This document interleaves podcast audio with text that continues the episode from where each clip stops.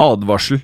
I denne podkasten vil du høre historier basert på informasjon programlederne har funnet selv. Programlederne står ikke nødvendigvis inne for meninger og syn som fremstilles. Noen påstander kan avvike fra virkeligheten.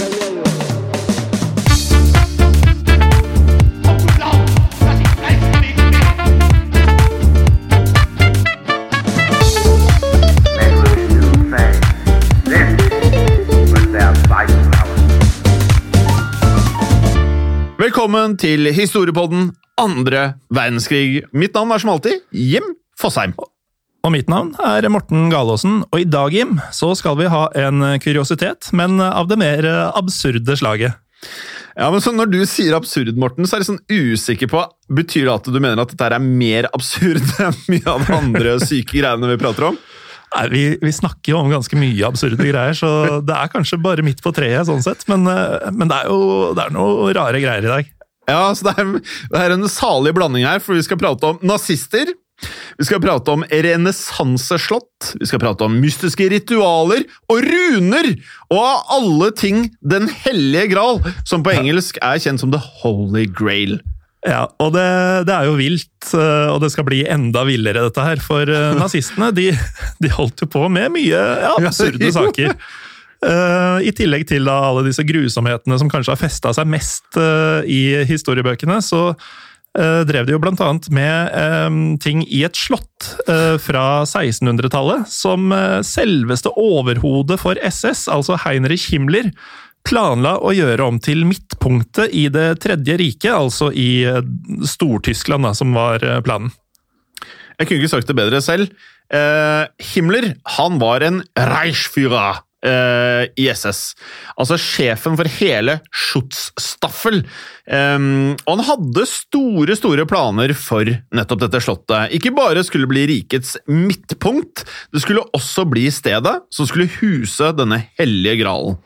Ja, og denne hellige gralen den er jo da en, eh, en gjenstand som eh, mange har hørt om fra filmer og bøker. Blant annet vil jeg tro veldig mange har sett eh, Indiana Jones and The Last Crusade. Har du det, Jim? Jeg har sett den Jeg har ikke liksom ført ned hvor mange ganger jeg har sett den, men jeg tror vi prater om mellom 25 og 35 ganger. Jeg ser for meg at guttunge-Jim hadde Indiana Jones som en av sine favoritthelter i barndommen. Men voksne koronamagi-Jim har også sett den ganske mange ganger. Ja, I hvert fall eh, i denne filmen så er det et knippe nazister eh, som for så vidt også spiller en, en viktig rolle. Og um, en annen film som også handler om The Holy Grail, som for så vidt er ganske fritt for nazister, men kanskje ikke helt irrelevant eh, likevel for dagens episode. Min favoritt, Monty Python and The Holy Grail. Ja, For jeg har alltid tenkt at du er ganske Monty Python-typen. Det stemmer. Jeg hadde i sin tid hele den der Flying Circus-serien på DVD. Så Samt Monty selvfølgelig alle filmene. Ja, så Monty Python og Olsenbanden-samlinga, det er det det går i. Ja, det er det det går i.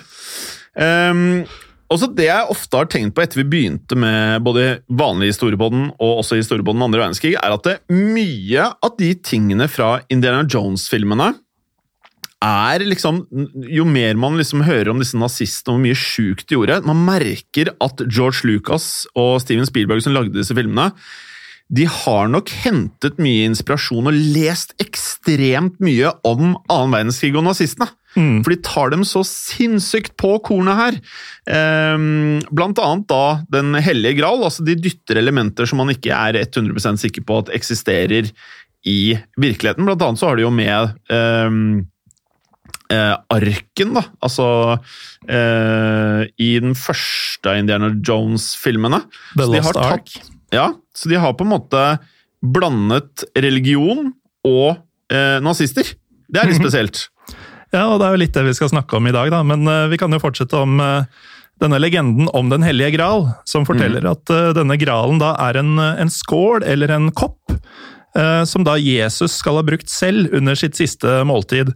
Og da Jesus ble hengt på korset, så skal da en av følgerne hans, eh, ingen ringere enn den hellige Josef fra Arimathea, ha brukt den samme gralen til å fange opp litt av Kristi blod, altså blodet til Jesus. Og dette skal ifølge legenden ha gitt gralen mystiske, ofte også da helbredende krefter. Og selv om dette bare er en fjern legende som man antar at dukka opp i Europa rundt 1100-tallet, så var da Heinrich Himmler fast bestemt på å finne Den hellige gralen og ta den med til dette slottet som vi så vidt har nevnt. Ja, og eh, nå er det jo slik at eh, Vi kommer jo selvfølgelig mer tilbake til dette etter hvert, men eh, det føles veldig naturlig å starte med dette slottet. Og vi har pratet om dette slottet i hvert fall én, jeg lurer på om det er to ganger i vanlig historiepodden. Og vi kan jo starte med å si at Himmlers drøm da, om dette midtpunktet i Det tredje riket var slottet Wewelsburg, som ligger i landsbyen med samme navn. Og Vi snakker da om no Nordheim Westfalen, altså litt nordvest for midten av det vi i dag på kartet kjenner som Tyskland, for dere som da ønsker å plassere da dette slottet litt mer geografisk. Ja, og dette tyske slottet ble bygget i årene 1603 til 1609 av en biskop, eh, en biskop som het Theodor von Fürstenberg. Eh, Og ovenfra så kan man se at eh, slottet er trekantforma, med et stort, rundt tårn i den ene enden, og to mindre og spissere tårn i de andre endene av denne trekanten. Og slottet det skiftet eiere flere ganger opp gjennom historien, så vi hopper nå bare rett frem til 1933, over 300 år etter at det ble bygget. Så den 3. november 1933 var nemlig dagen da Heinrich Himmler besøkte Slottet. Og en liten fun fact her, Morten. Dette slottet her, eh, altså Wewelsburg, er inspirasjonen, og vi har nevnt det eh, også i historiebånden, inspirasjonen til det legendariske data- slash computerspillet som heter Castle Wolfenstein. Har du spilt dette? Jeg har jo det, eh, som de aller fleste som nærmer seg 40 en eller annen gang har gjort. Og eh, altså det du sier er at Wevelsburg er virkelighetens eh, Wolfenstein? Og um, når man spiller Jeg vet ikke hvor god du var i Castle Wolfenstein. Jeg var ganske dårlig, eh, så, jeg, ja, så jeg kom egentlig ikke så veldig langt. Men jeg så på andre som var ekstremt gode i Castle Wolfenstein. Og det jeg forsto, var jo at dette her er jo et spill sterkt inspirert av alle de ville tankene som Heinrich Himmler hadde. Så det kan være litt interessant. Så dere kan faktisk gå inn på YouTube og så kan dere sø søke opp Castle Wolfenstein. Så kan dere se litt av tingene som vi da kommer til å prate om i episoden. Mhm. Det, det kommer dere til å gjøre. Selvfølgelig med litt sånn 80-talls eh, datagrafikk, men eh, man ser mye, mye rart. Og det skal komme mye rart i virkelighetens slott også. Fordi på samme måte som spillet Wolfenstein gjorde inntrykk på deg og meg, Jim, så gjorde dette besøket på Wevelsburg inntrykk på Himmler. Og han kontaktet eh, lokale myndigheter samme dag for å leie hele slottet, sånn at SS kunne bygge det om til sitt eget bruk. Og de lokale myndighetene var eh, ikke spesielt begeistret for eh, Himmlers ombyggingsplaner av det som alle ser på som et viktig historisk eh, slott. Og de ville jo slett ikke da overlate dette slottet til denne ja, gale nazisten, da. Men selv så tidlig som i 1933 så var det ingen som sa nei til det mektige SS, og Himmler han fikk det som han ville, og skrev under på en leiekontrakt med de lokale myndighetene. Og denne kontrakta den sa at eh, SS kunne disponere slottet som de ville i 100 år, mot en, eh, det må sies, en meget symbolsk sum på én eneste riksmark i året. Ganske praktisk å bare lage egne avtaler som ingen kan si nei til. Ja, det, det er hendig. Uansett, ombyggingen og restaureringsarbeidet gikk de straks i gang med. Sånn at de opprinnelige planene var at det skulle bli et slags type opplæringssted, eller eh, et eller annet sånn eh, konferansesenter, nærmest, for SS-folk. Ja, altså Slottet skulle tilby undervisning og trening eh, spesielt tilpassa ledelsen i SS, og akkurat dette ble det aldri noe av. Men eh, likevel så ble jo Slottet et eh, samlingssted for eh, høyerestående menn i SS. Ja, og når vi prater om et konferansesenter eller samlingssted for SS-offiserer, og så skal vi prate om Den hellige gral. Det er et stykke mellom de to tingene. Ja, det er, ikke en helt åpenbar kobling her, men altså et kjennetegn ved nazismen var jo dette med at tyske folk og den såkalte ariske rasen, den skulle jo da ifølge nazismen være overlegen alle andre.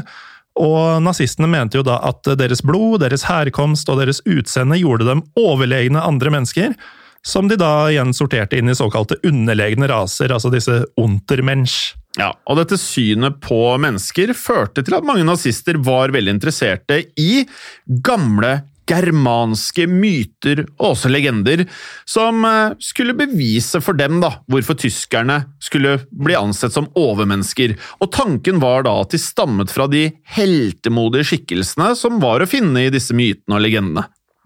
Og Himmler var jo en av dem som var uhyre opptatt av eh, dette, og han hadde en ekstremt høy interesse for gamle myter fra Vest-Europa.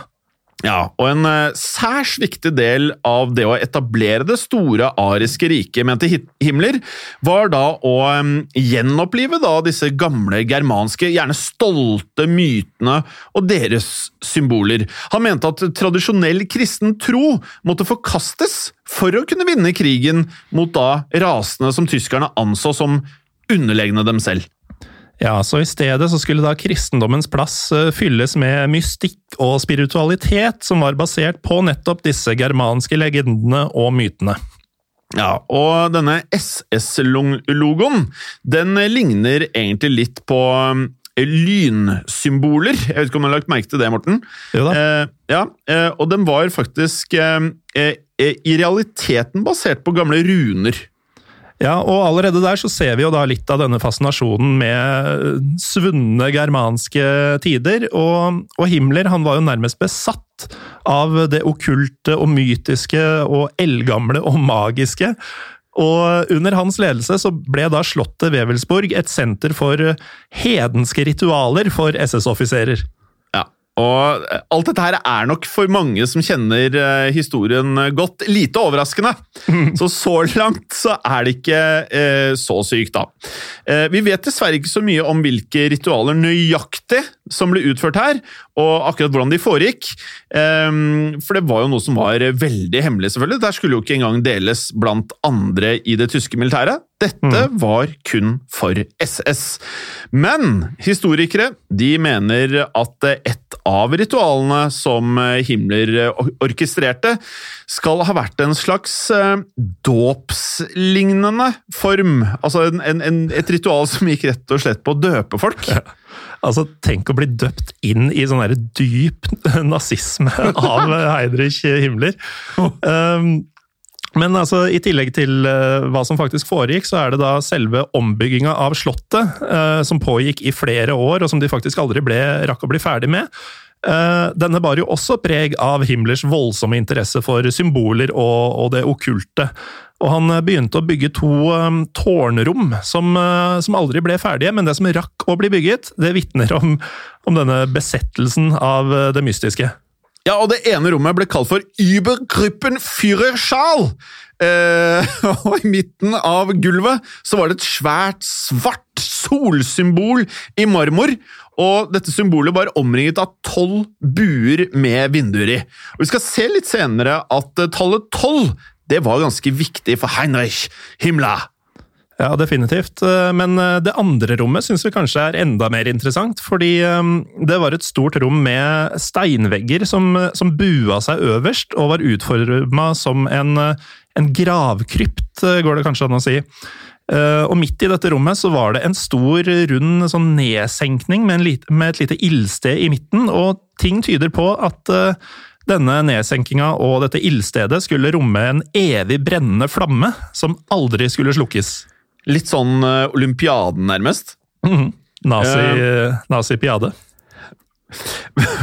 Men uansett, i taket av dette rommet ble det hugget ut et stort hakekors i stein. Og rommet ble kalt for Valhall! Altså, eh, dette her er jo noe man har hørt om eh, mye hvis man har spilt Casson Wolferstein. Altså, de er veldig opptatt av Valhall. Veldig opptatt Ja. av vikinger. Og rommet med denne evige flammen skulle brukes til eh, begravelsesritualer for SS-offiserer. Lite overraskende når man da eh, kaller det Valhall. Og Ja. Valhall er navnet på den store festhallen i gammel norrøn mytologi. Ja, og vikinger som falt i strid, de kom da til Valhall, der de ble gudenes festgjester, og det fantes ingen større ære enn det i norrøn mytologi. Og det var da slett ikke tilfeldig at SS av alle holdt begravelsesritualer i en sal kalt Valhall. Og Norrøn mytologi var blant de mytiske skikkene, og legendene Himmler var Han var ikke opptatt av det, han var besatt, Morten. Ja. Og et annet tilfelle av hans eh, fascinasjon for eh, det okkulte, var at han ga alle SS-offiserer noen helt, helt spesielle ringer. Ja, disse ringene de var pryda med inngraverte hodeskaller. Ja, og, og andre symboler. Så når en SS-offiser døde, så ble da ringen deres frakta til Wewelsburg og lagt i en kiste. Ja, og øh, så vidt vi har forstått, da, så er det ingen som vet hvor alle disse ringene faktisk ble av. Nei, og det er ganske sjukt, fordi det skal ha vært uh, hele 11 500 ringer Ja, i litt- Wewelsburg på slutten av krigen. Uh, og alle skal være borte. Så etter nazismens fall så gikk det da rykter om at ringene hadde blitt begravd på et fjell like ved. Men uh, ingen har da noensinne funnet igjen de inngraverte ringene til de døde. Nei, men øh, grunnen til at ringene hadde dette inngraverte symbolet, det var at øh, Himmler trodde symboler i seg selv faktisk da hadde en magisk kraft. Og øh, derfor ble slottets vegger også ofte prydet med hakekors og andre runer. Derav dette store, store hakekorset i taket i selve salen hvor de hadde da Valhalla. Altså, det er veldig fascinerende der. Og, og det er jo ikke så lenge siden vi hadde en episode om Rudolf Hess, som vi lo litt av at var for gal for Hitler. Altså, Han virker ikke sånn helt A4, han Himmler heller. Nei! Det derre gjengen til Hitler, altså. Det var, det var eh, spesielle karer. Ja, de var ganske gjerne. Så ved krigens slutt så ble det også funnet en sal med et stort, rundt bord, og vi nevnte tallet tolv i stad. Rundt dette bordet så var det tolv stoler, en åpenbar referanse til legendene om kong Arthur og hans riddere av det runde bord, som mange av de andre salene også var oppkalt etter. Ja, og tallet tolv var, eh, som så vidt vi var inne på her i sted, viktig for Himmler, for han eh, tok dette enda lenger. Han bygde rom med tolv søyler. Det ble bygget tolv opphøyninger i slottets hvelv, og SS ble delt inn i tolv avdelinger med tolv ledere. Eh, Han utnevnte også tolv SS-offiserer som de nye ridderne av det runde bord, som de da mente eh, tyskerne stammet etter. Altså, Det er så herlig absurd at uh, når, når du tenker tilbake på nazistene, så tenker du på sånn uhyre presist militært uh, opplegg. ikke sant? En så militær organisasjon uh, som da SS var. Som var så gjennomsyra av dette mytiske og okkulte på aller høyeste nivå. Ja, det er, det er eh, veldig spesielt, altså. Eh, og de gamle eh, legendene om kong Arthur og hans riddere var også en av Himmlers besettelser. Han hadde mange besettelser, men dette er sto helt, helt sentralt. Og, eh, og det er her vi da endelig kommer til Den hellige gral. Eh, gralen og da dens eh, krefter dukker opp i mange kjente legender om kong Arthur. Og det er nettopp disse legendene som fikk Himmler til å drømme om denne gralen. Og Vi nevnte jo at han ikke var så begeistra for kristendommen, og da kan det jo virke merkelig at han skulle være så opptatt av Den hellige gral. Men eh, denne ja, besettelsen den oppsto altså fordi gralen var en viktig gjenstand i legendene om kong Arthur. Ja, for dette er, Det høres jo nesten ut som et barns visjoner som har satt ut i det virkelige liv av en voksen mann. Godt voksen og svært mektig mann. Ja. Eh, For Himmler han mente at eh, Gralens naturlige tilholdssted skulle være selvfølgelig Wewelsburg slott, sammen med mange andre magiske og mytiske gjenstander. Og hør på det her, Morten. Han var overbevist om at idet nazistene da seiret og styrte hele verden, så ville alle de mytiske gjenstandene og artefaktene i slottet eh, begynne å utstråle mektige, magiske krefter. Og her ser jeg i hvert fall for meg en, eh, en av Indiana Jones-filmene. Ja, definitivt. Eh, Det er vel eh, Jeg husker ikke hvilken, men den derre som du dør av å se på, eller noe sånt. Ja, det er jo eneren. Det er den arken. På slutten, når de åpner da toppen på arken, og alle nazistene står der og bare de bare sikler for de gleder seg til å få mer makt, så bare dør alle og ser på strålene. Eh, kanskje litt sånn spoiler alert, da, men de dør. Ups. Ja, det, det er jo en film fra 1984, eller noe sånt, da, så har man ikke sett den ennå, så får man skylde seg sjøl. Men altså når de, eh, når de da skulle seire, så ville alle disse gjenstandene reagere på at nå styrte nazistene verden. Det høres jo ut som de genuint trodde at de var, eh, var et utvalgt godt folk. Ja, ja, altså De trodde eh, på dette her.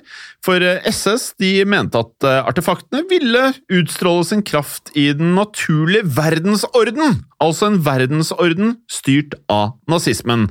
Og dette hjalp da til å underbygge myten de da selv skapte om nazismen og raselæren som den naturlige verdensorden. Og de brukte da disse okkulte symbolene til å begrunne sin egen overlegenhet. Og dette gjaldt ikke bare Den hellige gral. Nei. Eh, en av de andre magiske gjenstandene som Himmler ville ha tak i utenom gralen, var selveste hammeren til Thor! Altså Thors hammer Mjølner! Altså, da prater vi om hammeren til eh, tordenguden i norrøn mytologi, og Himmler skulle ha denne! For Han, mente jo da at denne, dette var jo ikke en legende, dette, dette hadde eksistert og skjedd, um, mente da Himmler. Uh, fordi hammeren var et eldgammelt og ekstremt avansert krigsvåpen som uh, disse opphøyde tyskernes forfedre, uh, altså vikingene i dette tilfellet, hadde skapt. Og det er jo, det er jo helt skrullete dette her, men Himmler han hadde en interessant um, fantasi. Ja, Han sendte ut eh, menn til, som han sa selv, alle steder i den nordliggermanske, ariske kulturelle verden, der det da eksisterer en oppfatning om lyn, lynsymboler, to hammer eller en hammer som flyr eller blir kastet. Og så er det, altså det var en liten spoiler-alert i stad. Det her er nok ikke det. Uh, de fant ikke Tors hammer, uh, SS. Nei. Eh, når det, når Så vidt vi vet. Ja, um, det, det er ingen historiske kilder som tilsier at eh, SS fant eh, Mjølner. Men eh, når det gjaldt Den hellige gral, så engasjerte Himmler seg faktisk personlig i jakta. Og en av hans store inspirasjoner var boka til en arkeolog ved navn Otto Rahn. Ja, Otto Rahn var omtrent like besatt av denne hellige gralen som Himmler var selv. Eh, Og hele Rahns liv dreide seg egentlig om alt som inngikk av informasjon om den hellige gralen og hans søken etter å finne den. Litt sånn som Indiana Jones. Mm. Han dro på leting etter gralen i Sør-Frankrike tidlig på 1930-tallet, men lyktes da, så vidt vi vet, ikke å finne gralen. Men Ran Rahn var likevel eh, fortsatt overbevist om at denne gralen eksisterte, og skrev en bok om reisen sin. Eh, Denne boka ble kalt Kreutzug gegen den Gral, som ble gitt ut i 1933, og tittelen kan oversettes eh, omtrent som Korstog mot eh, Gralen. Og noen år senere fikk Ran et telegram som tilbød ham 1000 riksmark i måneden for å skrive en oppfølger til boken. Eh, alt han egentlig trengte å gjøre, var å møte opp på en adresse i Berlin. Og til Rans store overraskelse så var den som møtte han på den adressen i Berlin, selveste SS-sjefen Heinrich Himmler, som var da svært begeistret over å møte forfatteren. Og ikke bare hadde han lest eh, denne boka til Ran med, med stor iver, han hadde faktisk lært seg hele boka utenat. Og dette sier jo litt om hvor besatt eh, han faktisk var, altså. Himmler hadde allerede forberedt en egen plass til Gralen i Wewelsburg, og han var overbevist om at Ran kom til å finne Gralen, og dermed ble Ran medlem i SS! Og den hadde vel kommet til 1936. Og det at Rahn ble medlem av SS, det er ganske sprøtt i seg selv. Fordi eh, Otto Rahn han var faktisk åpent homofil, og hadde før dette tilbrakt mye tid i eh, antinazistiske kretser, altså mm, politiske kretser som eh, motsatte seg nazismen. Noe som da vanligvis eh, ville gjort livet i Nazi-Tyskland rimelig farlig for Otto Rahn. Men med en SS-uniform på seg og et oppdrag fra selveste Himmler, så kunne han jo føle seg ganske mye tryggere en periode. Ja, enn så lenge, da. For eh, selv med ekstra ressurser Takket være SS da, så klarte ikke Iran å finne Den hellige gral. Han skrev oppfølgeren til boken som Himmler så sårt tørstet etter, eh, men selve gralen den uteble. SS-offiserene de begynte å bli utålmodige og misfornøyde, som vi vet at nazistene var eh, kjente for. De skulle ha resultaten! Og Ran han skjønte at han hadde tatt seg vann over huet her. Sånn at i 1939 tok han avgjørelsen. Han sa opp i SS. Ja, og hva som skjedde etter at han forlot SS, det er ikke 100% klart, men vi eh, skjønner jo at det, det, det var ikke bare bare å, å, melde seg ut og forlate dem. Særlig da når eh, Ran ikke hadde klart å oppfylle oppdraget som han hadde fått uh, betalt så godt for. Ja, det skal visstnok ha vært noen rykter om at Gestapo planla å myrde han, noe han da angivelig hadde hørt. Og en marskveld 1939 i Østerreich bestemte han seg derfor for å komme Gestapo i forkjøpet. Ran han gikk opp på et iskaldt, snødekket berg, der han la seg ned i snøen, men ikke for å hvile nødvendigvis. For uh, dette ble det siste uh, Ran gjorde, så vidt vi uh, vet, for han skal ha blitt funnet død på samme sted. Ja, og ingen dødsårsak ble noensinne oppgitt her, så noen eh, spekulerer i om han eh, svelga gift før han la seg i snøen på berget, eller om han rett og slett bare la seg ned for å fryse i hjel. Ja, men det som i hvert fall skjedde her, var at eh, Himmler han, han ville ikke gi opp jakten på Den hellige gral riktig ennå. Så det Himmler gjorde, han tok hele ja, denne søken i egne hender. Det gjorde han. I 1940 så reiste Himmler selv til et uh, temmelig avsidesliggende kloster på fjellet Montserrat i Catalonia i Spania. Altså dette er den delen av Spania hvor Barcelona ligger. Uh, der lette han etter Den hellige gral i egen person, og var fortsatt like overbevist om at den fantes, og at den uh, hørte til naturlig i tyskernes hender i Wevelsburg. Og det som da skjedde her, var at han nok en gang ikke fant Den hellige gral. Eh, og grunnen til at han da hadde dratt til fjellet Monsterat, eh, kom av en opera om kong Arthur, skrevet av Hitlers yndlingskomponist, faktisk, Richard Wagner. Ja, for denne operaen den var basert på et tysk middelalderdikt, der gralen befinner seg på det fiksjonelle mm, fjellet Montsalvat. Så Himmler han tenkte at dette fjellet i virkeligheten måtte jo være Montserrat i Spania, for det hørtes jo ganske likt ut, men der tok han da feil.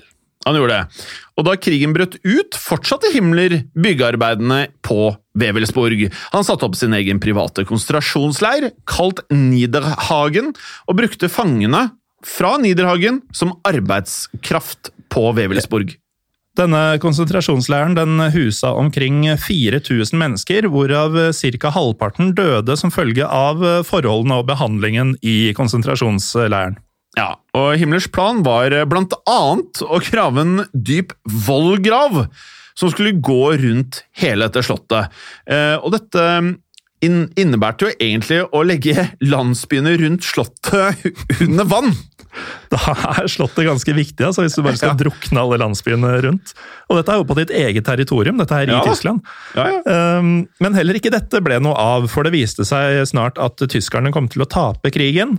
Uh, slottet Wevelsburg ble dermed aldri dette spirituelle midtpunktet i Det tredje riket, og det ble heller aldri helt ferdig, uh, sånn som Himmler hadde planlagt det. Det ble ikke det. Mars 1945 er vi nå. Da innså Himmler at krigen mer eller mindre var tapt, og at de allierte styrkene da var rett rundt hjørnet. Og Derfor beordret Himmler ødeleggelsen av dette favorittslottet sitt, Wewelsburg, slik at det aldri kunne falle i hendene til noen av de allierte. Men de var nesten tomme for sprengstoff, sånn at slottet det kunne ikke sprenges i lufta. I stedet så valgte SS å sette fyr på slottet, og selv om flammene ødela mye av interiøret, så holdt selve veggene stand. Ja, og siden brannen bare ødela Wevelsburgs interiør, betød det da at det meste av selve slottet det eksisterer og er i faktisk god behold den dag i dag. Eh, Selve Wewelsburg har blitt gjort om til et museum som huser en utstilling om historien til regionen, og også Slottet, og en egen utstilling om nazistenes bruk av Slottet under krigen. Ja, og dette er jo noe eh, i hvert fall jeg eh, kunne vært interessert i å besøke. For eh, som vi nevnte innledningsvis, så ligger jo Wewelsburg i Nordrhein-Westfalenhjem. Og det kan jo da lett la seg kombinere med f.eks. en seriøs fotballtur som du og jeg kunne forestille oss å dra på en gang når pandemien er ferdig.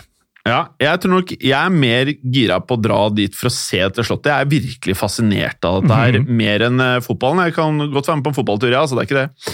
Um, og så er jeg veldig gira på å se denne Valhall-salen som eh, Himmler eh, lagde. Denne med den store nedsenkingen i eh, gulvet.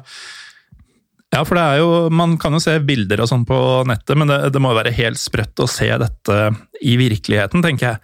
Mm. Um, apropos bilder, så har jo vi både Facebook og Instagram hjem. Vi mm. heter Historiepodden Norge begge steder.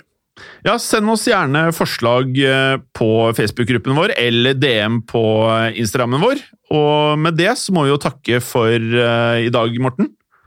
Det må vi gjøre, og vi må jo da minne om at dette har skjedd. Og det kan skje igjen. Ha det bra! Ha det bra! I produksjonen av Historiepodden så ønsker vi å takke Håkon Bråten for lyd og musikk. Takk til Felix Hernes for produksjon. Takk til Ellen Froktenestad for tekst og manus. Og takk til deg, Morten Galesen, for programlederrolle. Og takk til deg, Jim Fosheim, for programlederrolle.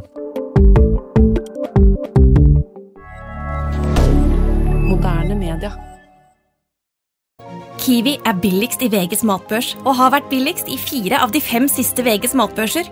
Og nå presser vi prisene på frukt og grønnsaker. På 200 gram broccolini setter vi prisen til 24,90. På 400 gram Cevita blåbær setter vi prisen til 49,90. Og husk, alle Kiwi Pluss-kunder får i tillegg 15% trumfbonus på all fersk frukt og grønt. For det er vi som er prispresserne. Og vi i Kiwi gir oss aldri på pris.